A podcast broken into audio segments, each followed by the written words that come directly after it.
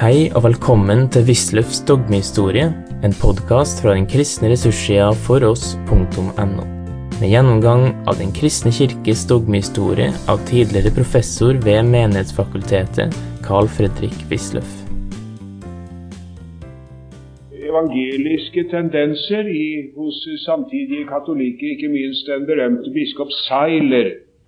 Det er nok grunn til nå, som det gjerne fremheves i øyeblikket av dem som senest har skrevet om dem, og betone at han var opplysningsmann, at det var det på det punkt at man møttes i samtiden. Nå skulle man kanskje ikke tro at opplysningstiden var særlig interessert for liturgi og liturgikk. Det synes å være noe som hører hjemme i en kanskje mer skal vi si, mystisk betonet fromhet enn den som er karakteristisk for opplysningstidens kirkemenn og teologer. Men da har man ikke sett de kolossale arbeider som opplysningstidens teologer skrev i, eh, med hensyn til eh, liturgi. Det var en voldsomt sterk interesse man ville ha deltakelse av i gudstjenesten av menigheten. Man understrekte dens oppdragende betydning. Man ville ha morsmålet inn. Og det Noe lignende er for øvrig også tilfellet på evangelisk side. Eh, imot det som man kanskje skulle ha ventet, er man på det hold også sterkt interessert for liturgi og liturgikk. Vi kan jo bare tenke på et eneste eksempel fra vår dansk-norske historie, nemlig Bastholm. Typisk øh, opplysningsmann. Eh, bryr sånne folk seg noe om liturgi? Å oh, ja, i høy grad. Hans berømte utkast til forbedrede kirkeskikker, som fikk Johan Nordahl Brun og andre til å rykke ut. Eh, overfor statsmakten klarte med andre ord ikke paven å hevde seg. Og det typiske uttrykk for det, det tidstypiske uttrykk for det, er naturligvis opphevelsen av jesuitterordenen i 1773. Det er veldig klar, viktig å være klar over at det som brakte jesuitterordenen til fall, var så visst ikke noe motstand ifra protestantisk hold, naturligvis, eller, eller eh, tidsånden i betydningen opplysningen eller noe som helst. Det var rett og slett de burbanske fyrstehoff. Det var det. Det var de burbanske fyrstehoff. Det var i Frankrike, i Portugal, i Spania og forskjellige i Italia som ikke ville ha dem lenger, og som derfor fikk sørget for at haven motstrebende måtte oppheve dem. Å forbedre dem, forandre dem, det var han ikke interessert i. Det var de fremfor alt ikke selv heller interessert i. Konferere det berømte sint ut sunt, aut non sint. De får være som de er, eller også får de ikke være. Den franske revolusjonen er selvsagt en veldig påkjenning for den katolske kirke. Det var trengselstider, store vanskeligheter. Eh, direktoriets generaler utga seg forholdsordre i Italia om hvorvidt eh, eh, konsistoriet var interessert i at pavedømmet som institusjon skulle opprettholdes lenger. De var, syntes de, med, i en posisjon med en maktfullkommenhet ganske voldsomt. Og eh, Pius den sjette, den arme mann, ble slept til Frankrike som fange og døde der. Det var vel eh, bunnen av eh, pavens eh, nedverdigelse overfor de politiske makter. Altså noe sånt noe som man knapt kunne ha tenkt seg i det 20. århundre en gang. Eh, det, det skjedde her i omkring år 1800. Og likeså med, med Napoleon. Eh, han gjenopprettet da riktignok forbindelsen med konkordatet i 1801. 1801 og 1802 konkordatet og de organiske artikler er i så måte veldig viktige aktstykker. Eh, det var jo en stor lettelse at den franske stat holdt opp med direkte å forfølge Kirken og kristendommen, og at Napoleon erklærte at hans nerver var i overensstemmelse med troen på en allmektig Gud og at han likeledes innså at det var en viss sammenheng med, mellom religion og moral. Han var ikke interessert i kamp med Kirken, derimot i høy grad over å ha makt over den mest mulige. Poenget med konkordatet og de organiske artikler som strammer det hele ytterligere til fra statens synspunkt sett, er at man får prestene på fast lønn. De skal lønnes av staten. Så har man dem jo. Og at staten skal utnevne biskoper. Og mange ydmykelser som man måtte finne seg i fra Kirkens side i så måte at paven f.eks. måtte til, til, til, til Paris for å krone Napoleon til keiser. Det var vel kanskje allikevel den bitreste beten å svelge av det hele. Å la paven galoppere som en liten kapellan, som Consalvi sa, det var hardt. Det var hardt, det.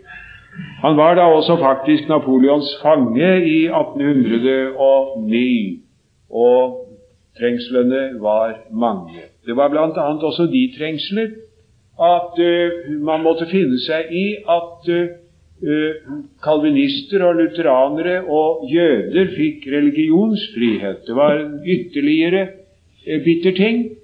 Ja, samtidig med at den katolske kirke fikk denne ordning, som vel var et fremskritt, men samtidig en forferdelse, så måtte man svelge det at også de andre fikk sine forhold ordnet med staten. Det hadde man jo helst sett at noe, ikke noe sånt skjedde.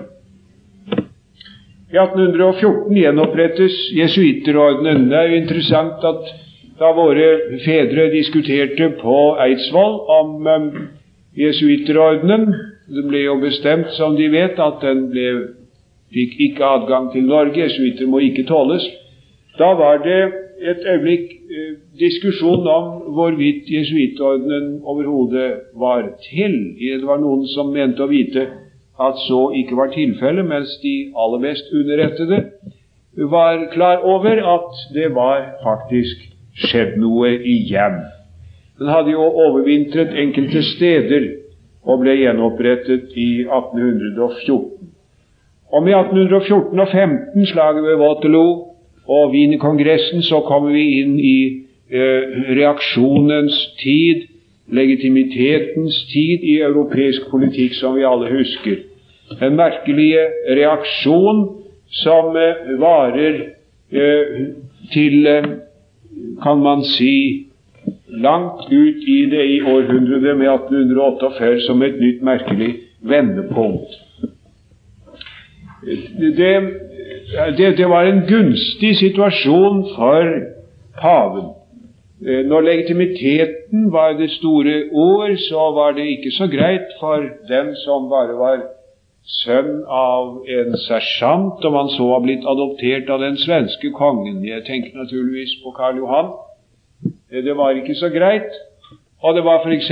ikke så greit en gang å få en prinsesse til eh, tronarvingen Oskar Oskar den første het han da han ble konge, måtte nøye seg med en bayersk prinsesse, og kunne vel egentlig ha tenkt det noe høyere opp. Til gjengjeld så fikk han da denne barnebarnet av, av Josefine, som var Napoleons første eh, gemalinde, og eh, som var Det skulle man kanskje ikke ha tro med den ekstraksjon en i enhver henseende elskelig menneske. Men så voldsomt høyt opp på den fyrstelige rangstige var ikke lett å komme. Eh, og det ble høflig avvist flere steder. Og det er uttrykket for reaksjonens tid. Men hvem kunne ha en lengre anerekke å peke på enn paven? Paven var det mest patente, det sikreste som man overhodet kunne forestille seg og derfor er situasjonen veldig bra for ham. Eh, så kommer disse franske forfatterne og ultramontanismen, Dimeter, Dipap og Lamennais, all autoritet til paven, og unam sanktam er den riktige tolkning av forholdet mellom Kirken og staten. Det skulle man ikke har tenkt lenger, at sånt kunne sies i europeisk åndsliv, eh, og det av et intelligent menneske som man ikke godt kunne riste av seg heller. Denne eh, franske ultramontanismen er jo her et interessant innslag. Ultramontanismen, ultramontes, altså på den andre siden av fjellene, nemlig Alpene. Makten skulle ligge hos paven på den andre siden av fjellene. Derav dette merkelige navn. Nå eh, førte jo ikke det riktig til det som eh, det kunne ha gjort fra pavens synspunkt sett, for så gikk de hen og ble eh, liberale i politikken. Det var en stor vanskelighet. Eh, Lamennais holdt fast, ble ekskommunisert av paven, døde i fattigdom og elendighet som en frontkjemper, kunne vi si, mens de andre lederne, Lacordaire og Montalembert, bøyet seg for paven. Vi ser fra skritt til skritt hvordan det, hvordan det øker på for paven utover 1824 så kommer Leo den 12., fordømmer Bibelselskapen. Han kaller det en pest. Det skulle komme mer av det slag siden. Eh, kirkestaten, eh, der det var etter alminnelig mening den mest eh, vanstyrte stat i Europa. Det var den mest eneveldige. Den var styrt av, av Kirken, av prester, og det var et vanstyre og et røveruvesen og en korrupsjon, en fattigdom og en elendighet som man ikke fant maken til på noe hold i Europa. Eh, så eh, ser vi jo eh, hvordan den politiske utvikling går sin gang.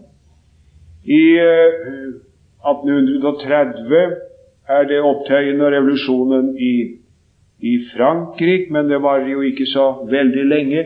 Louis Philippe, borgerkongen, er i virkeligheten reaksjonær. Så kommer Pio Nono, den merkelige pave Pius 9. 1846-78. Den skal vi merke oss ganske grundig. For han er på en måte eh, grunnleggeren av en storhetsperiode i den katolske kirke, som muligens en fremtidig historieskrivning, det er ikke så lett å si det ennå nå, vil regne at den strakte seg så langt som til og med Pius den 12 og det vil si til ut i 1950-årene. Da, da, det ble innledet en ganske ny en ganske ny utvikling igjen innen Romerkirken, men derom senere. Pio Nono, han eh, En merkelig, merkelig personlighet. Han, folk sa, Italienerne sa han hadde ondt øye, så de var redden. Så når man snakket med han, så, så, krysset man fingrene sånn, ikke sant? Det er jo det de må gjøre. Uh, I all hemmelighet da bak på ryggen, for han hadde ondt øye, ble det sagt. Han, han uh, var merkverdig nok politisk liberal til å begynne med, og det ble, han var derfor hilset med stor jubel i de kretser som håpet på en endring av de politiske forhold. Han begynte så smått med noen politiske og sosiale reformer i kirkestaten, men så kom jo 1848 med februarrevolusjonen. Og den bølge av revolusjon og uro og oppstand og krig som den førte med seg. Og da gikk det her i kirkestaten sånn som det stort sett gikk jo i europeisk politikk i det hele tatt. At uh, oppstanden og revolusjonen i 1848 i virkeligheten viste seg å bli en seier for reaksjonen. Det var det uh, velstående borgerskap som tok makten og etablerte seg så grundig at de ble sittende med den meget lenge. Sånn gikk det jo uh, fra det ene sted til det andre, som de vil huske fra verdenshistorien. Denne oppstand den begynte altså på barrikadene, endte jo med eh, nederlag for alle progressive krefter, fremskrittsvennlige krefter, og eh, seier for reaksjonen. Oppe i det fjerne, lille, bitte rare Norge så hadde vi jo da efterklangen av det, kan man på en måte si, denne merkverdige med, med Trane og, og Tranittene.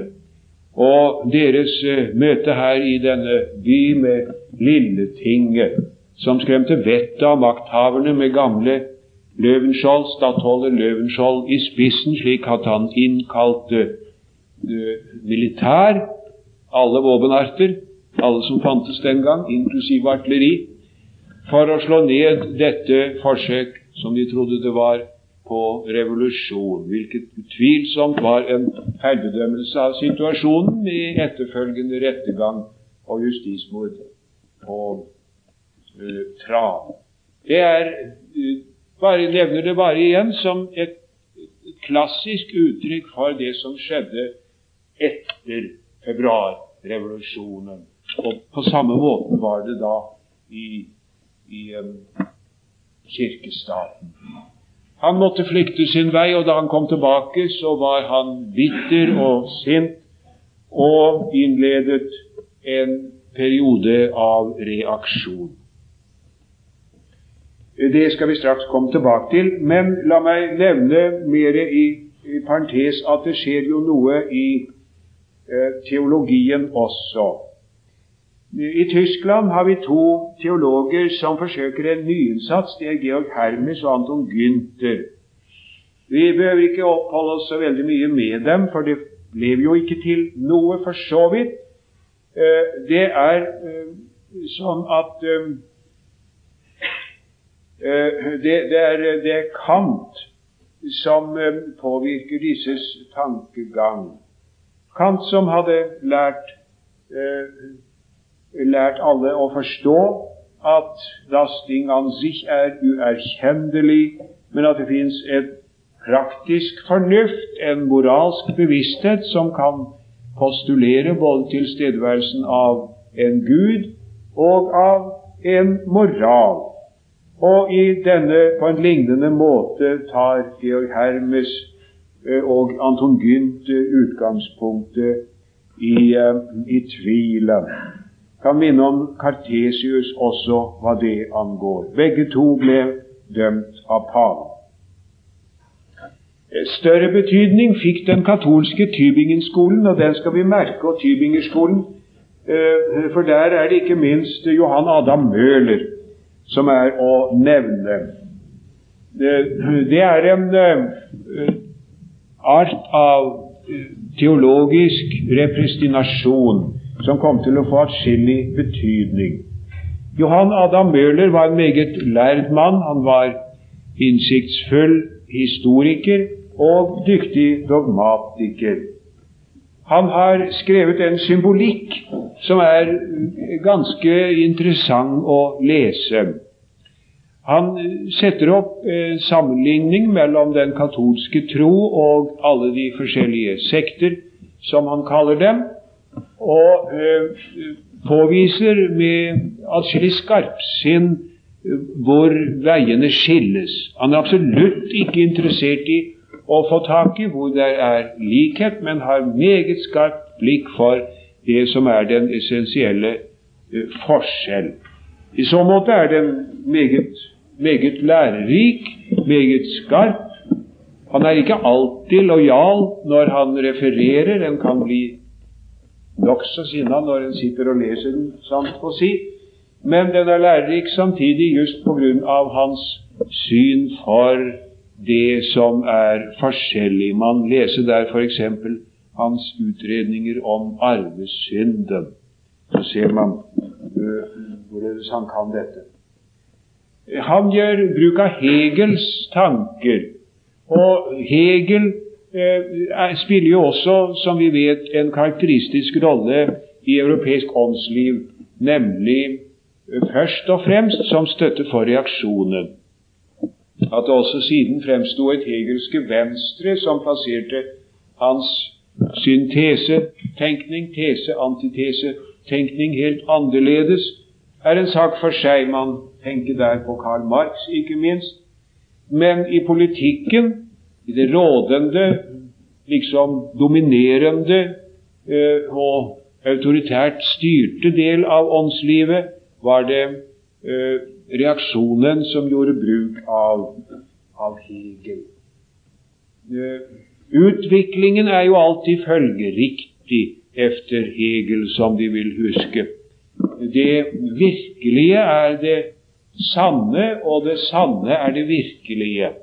Det som er, er alltid resultatet av en fornuftig prosess.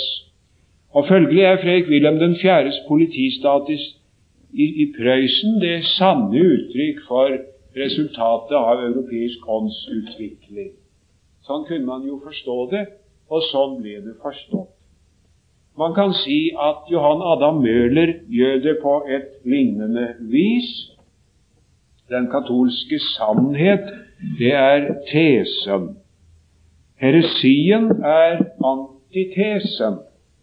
Men i seg selv så har heresien ikke noe egentlig væren. Den har egentlig ikke sein. Og idet den som det onde bare er en negasjon. Og Derfor så tjener denne uegentlige antitese i virkeligheten bare til en syntese som består i at tesen, katolisismen, kommer enda klarere og sterkere til uttrykk. Sammenligner man det med tendensene en mannsalder før, eller vel så det, i opplysningstiden, hvor man søkte det som var felles ut ifra opplysningstidens tankegang, så ser man hvordan det nå på alle hold er uh, at, at, veiene nå overalt går ifra hverandre igjen. Ifra hverandre igjen. Det er jo på samme måte innen lutherdommen. Der er represinasjonsteologien kommet. Man oppdager til sin forundring fedrene. Man oppdager den lutherske kirkes bekjendelse. Man begeistres for dem og søker åndskraft i dem. Så vi har en katolsk reaksjon og en luthersk repristinasjon på denne tid. Uh, man, man, man, oppdager på hvert sitt hold liksom fedrene som det egentlige.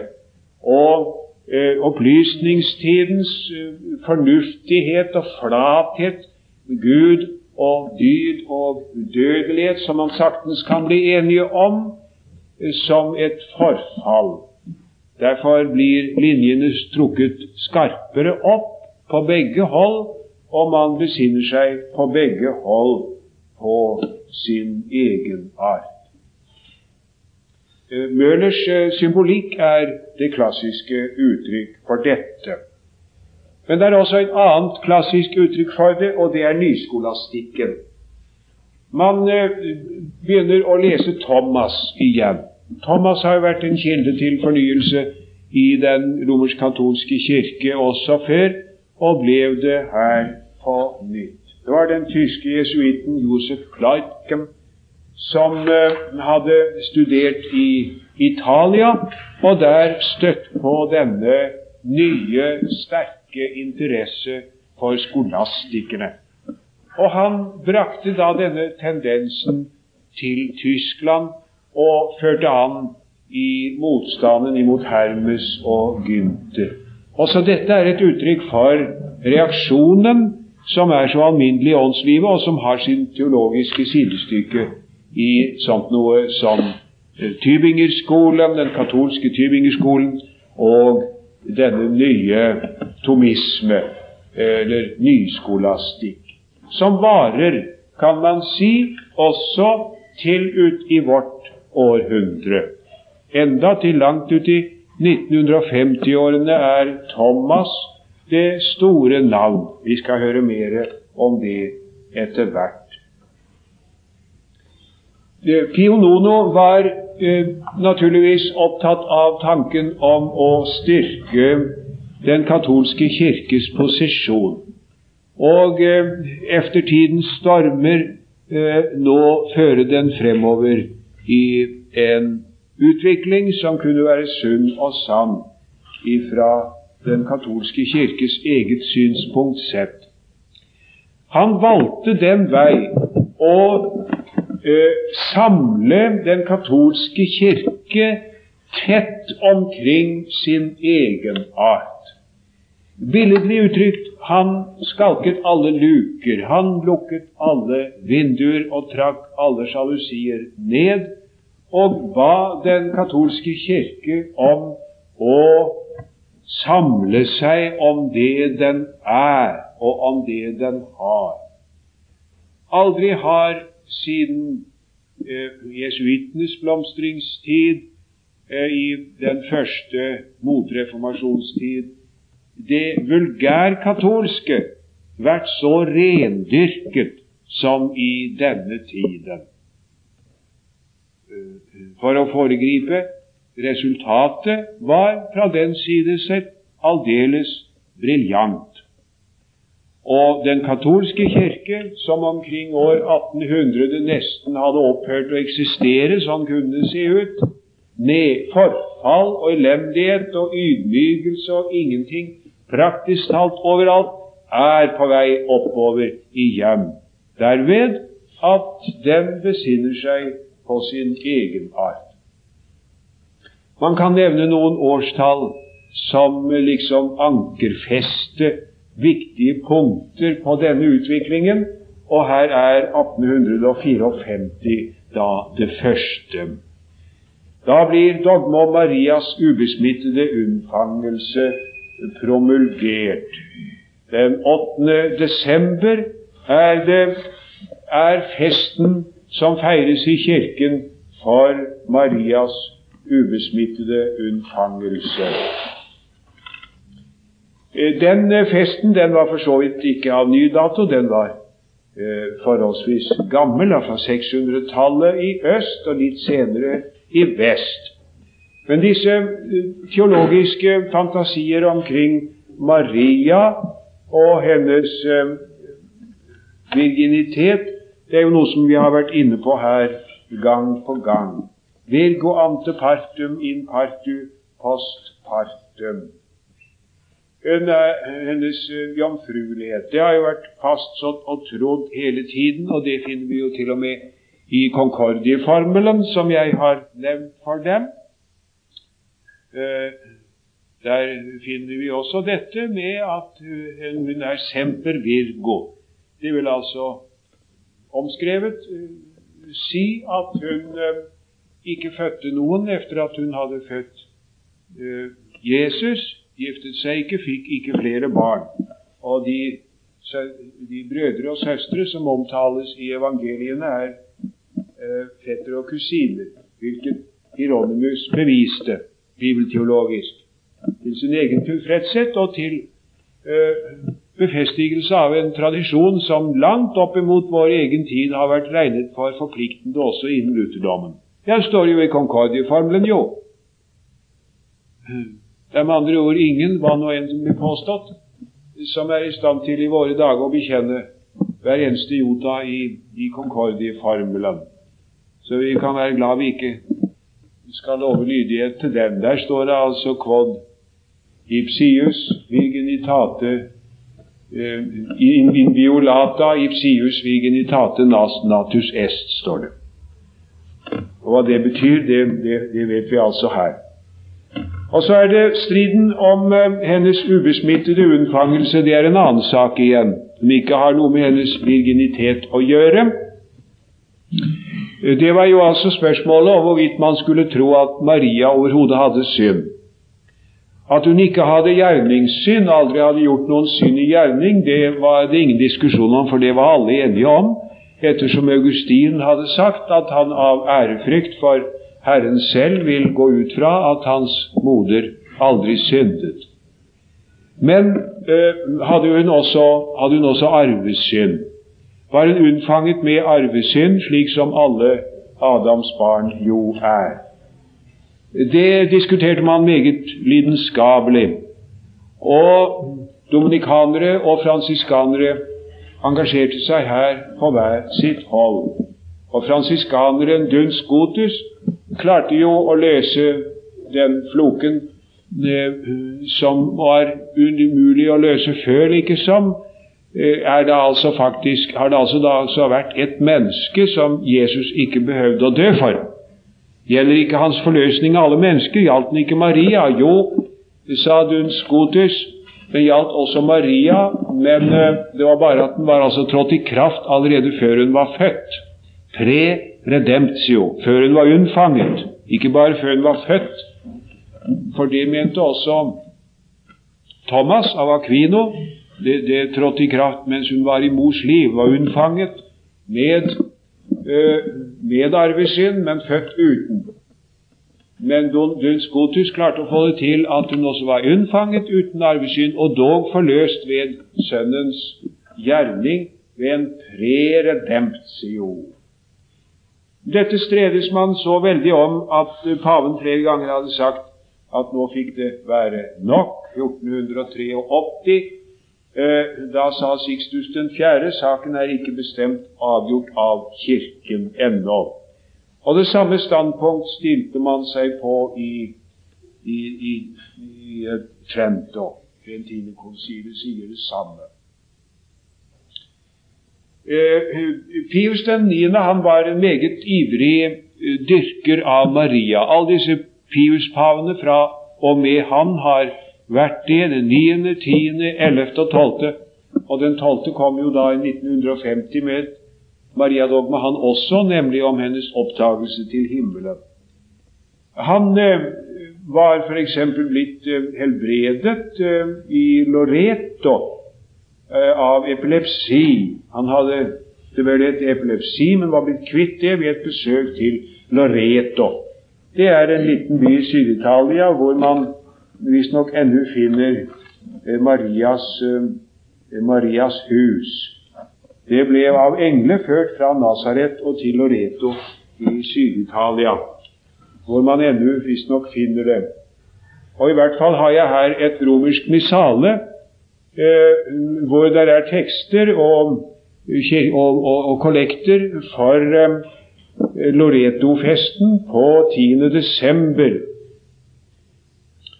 kirkebønnen lyder Deus qui beata Maria virginis domum per incarnati verbi mysterium misericorditer consecrasti. Gud, du som ved ditt menneskevordne ords hemmelighet miskunneligen har helliget den salige Jomfru Marias hjem, og på underfull vis stillet det midt i din kirkes skjød unn oss at vi må skilles fra synderes bolig, synderes telt, og verdiges at bebo ditt hellige hus. Det, der fins det altså enda en messe som man kan lese på 10. desember for denne begivenhet. Uh, så han var ivrig for um, Mariadyrkelsen. Og så forespurte han da hvorvidt det var opportunt med å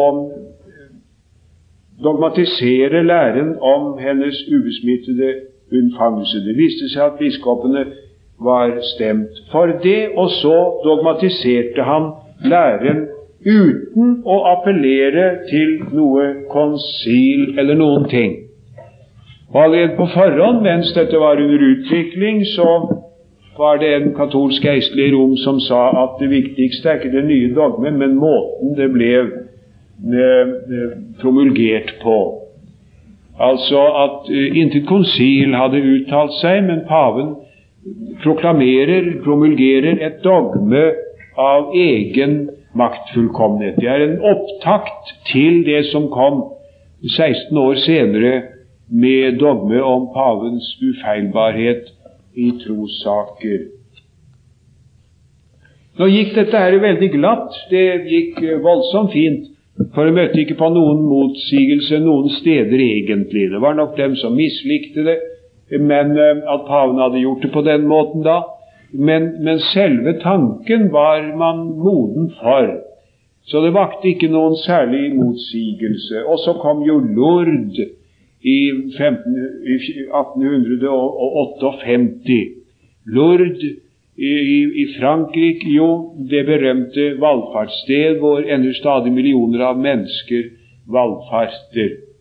En, eh, en gjeterjente, Bernadette Soubirou, som eh, i en grotte så en dame hun kalte henne først bare en dame som talte til henne. Det viste seg da at det var Maria som talte til henne. Og dette ble etter hvert et um, meget uh, søkt valfartssted.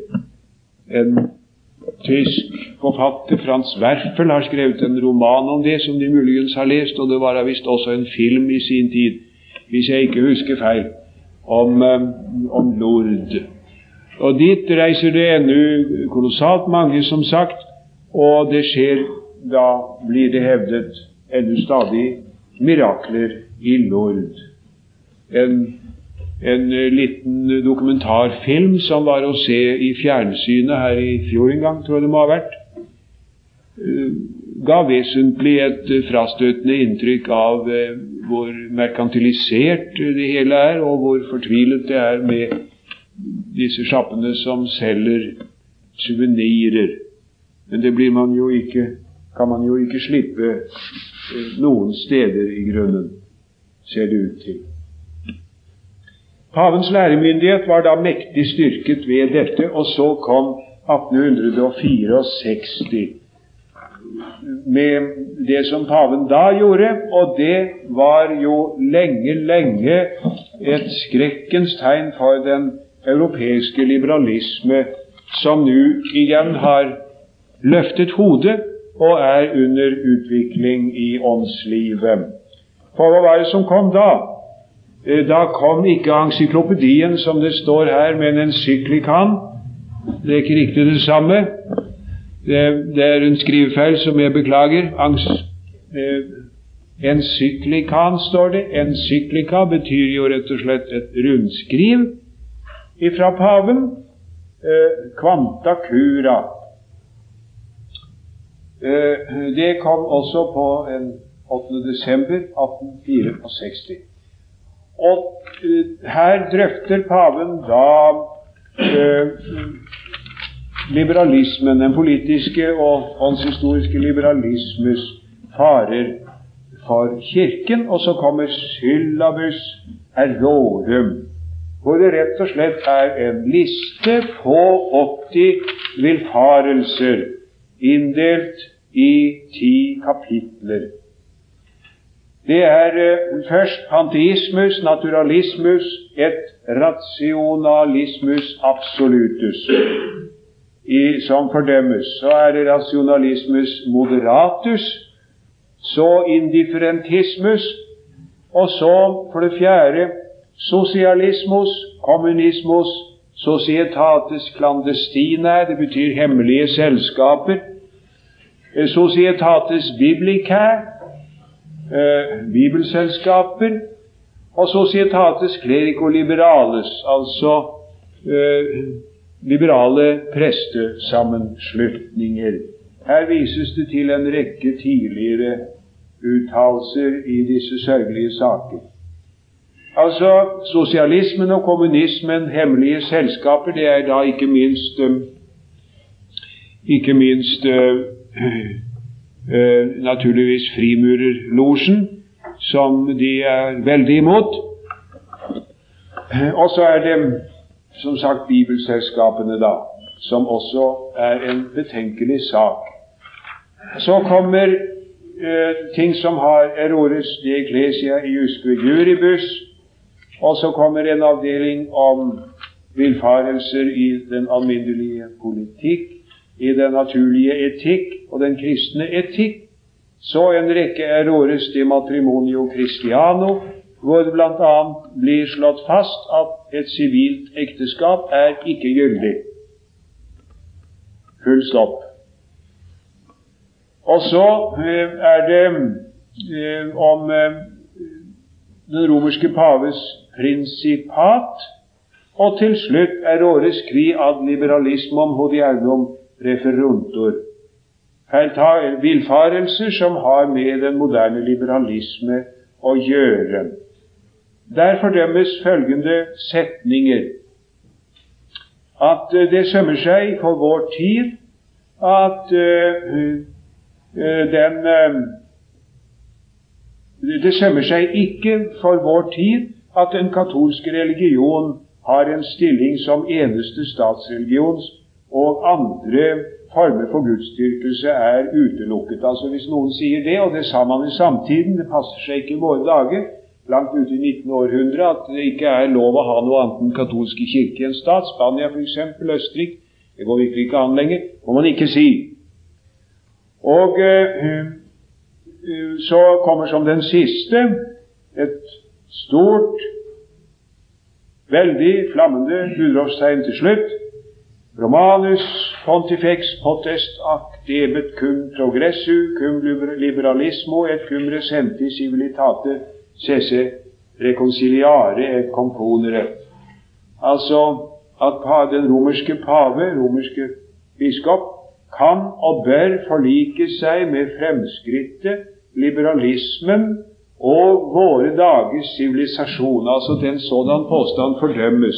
Man må ikke si det.